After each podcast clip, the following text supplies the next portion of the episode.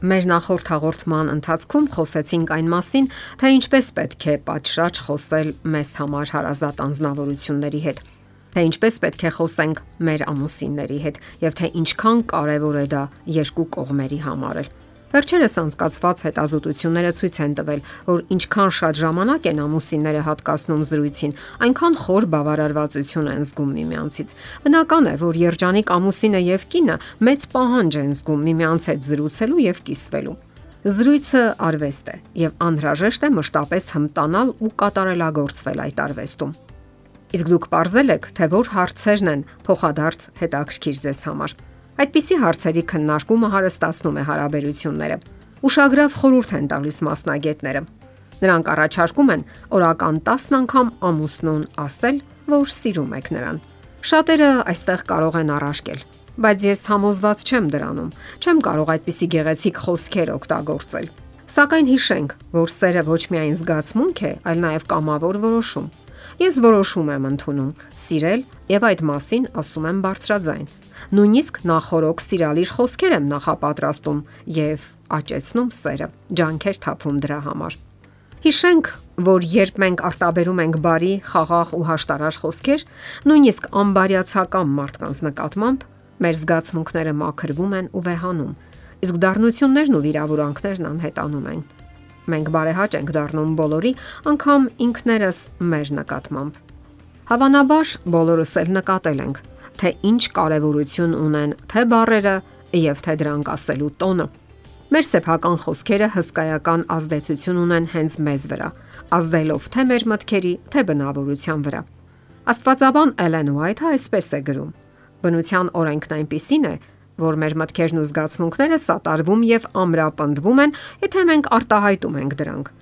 Ինչքան ճիշտ է այն, որ խոսքերն արտացոլում են մտքերը, նույնքան էլ ճիշտ է, որ մտքերը հետևում են խոսքերին։ Ցանկացած խոսակցություն ունի իր համապատասխան վայրն ու ժամանակը։ Սա ճիշտ շփման նախապայմաններից է։ Պատահել է այնպես, որ դուք հետաքրքիր զրույցի համար անհաջող ժամանակ եք ընտրել։ Եթե ձեզ անհրաժեշտ է կիսվել ինչ որ կարևոր հարցի մասին, պարտադիր չէ անմիջապես գրոհել, հենց որ ամուսինը ոդքը շեմքից ներս դնի եւ այն էլ լարված աշխատանքային օրից հետո։ Նաև կարիք չկա կնոջը հորդորել, որ կրճատի սննդի վրա ծախսվող գումարները այն պահին, երբ նա ճաշի սեղանն է պատրաստում եւ իրեն հոգնած է զգում։ Եվ հսկայական ժամանակ է տրամադրել այդ ամենը պատրաստելու համար։ Հարկավոր է ընտրել այնպիսի ժամանակ, երբ դիմացինը կարող է հանգիստ լսել ու պատասխանել ձեզ։ Իսկ հաճելի տոնը երբեմն շատ ավելի է կարևորվում, քան դուք կարող եք պատկերացնել։ Հաճելի բարյացակամ տրամադրող տոնը հաճախ ավելի կարևոր է, քան այն, ինչ ասում եք։ Մեզ հանգստացնում է խաղաղ ու հանգիստ ձայնը, սակայն բոլորն էլ կարող են նյարդայնանալ մարդու լարված, գրգռված ու բարկացկոտ տոնից։ Զրույցի եւս մեկ կարևոր տար է հստակությունն ու ճշգրտությունը։ Խոսակցության ժամանակ ամեն ինչ պետք է ասել ճշգրիտ եւ հստակ։ Շատ թյուրիմացություններ լինում են խառնաշփոթ, ոչ հստակ արտահայտված մտքերից։ Հարկավոր է խուսափել երկիմաստ, անորոշ, խուսափողական արտահայտություններից։ Հատկապես, երբ կարևոր հարցեր եք ճշտում, եղեք հստակ, ճշգրիտ ու հետևողական։ Բարյացակամությունը եւս ճիշտ փոխհարաբերության տարրերից է։ Շատ ընտանիքներում ամուսինները ընտելացել են մշտական հանդիմանություններին ու վիրավորանքներին, եւ ցավոք դա նրանց փոխհարաբերության բնականon վիճակն է։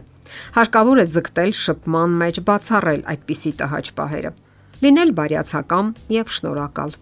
Հետևեք ձեր տոնին, որով արտաբերում եք բարերը։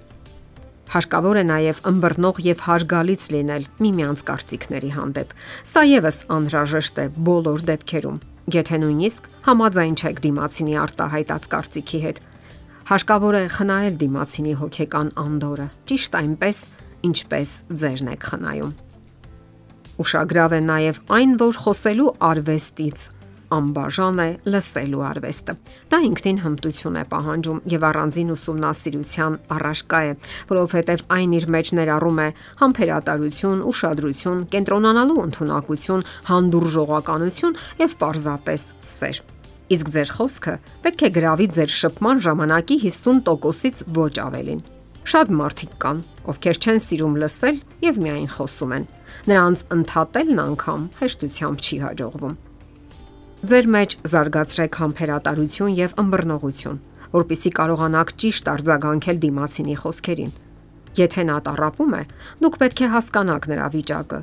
եւ նույնիսկ տարապեք նրա հետ միասին։ Կարողացեք կարեկցել,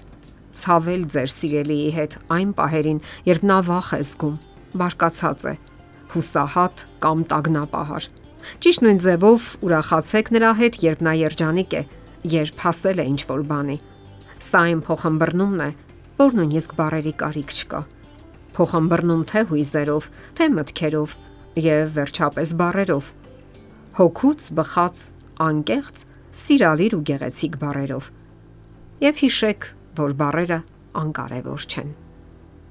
Եթերում է ընտանիք հաղորդաշարը։ Ձեզ հետ է գեղեցիկ Մարտիրոսյանը։ Հարցերի եւ առաջարկությունների դեպքում զանգահարեք 094 08 2093 հեռախոսահամարով։ Հետևեք մեզ hopmedia.am հասցեով։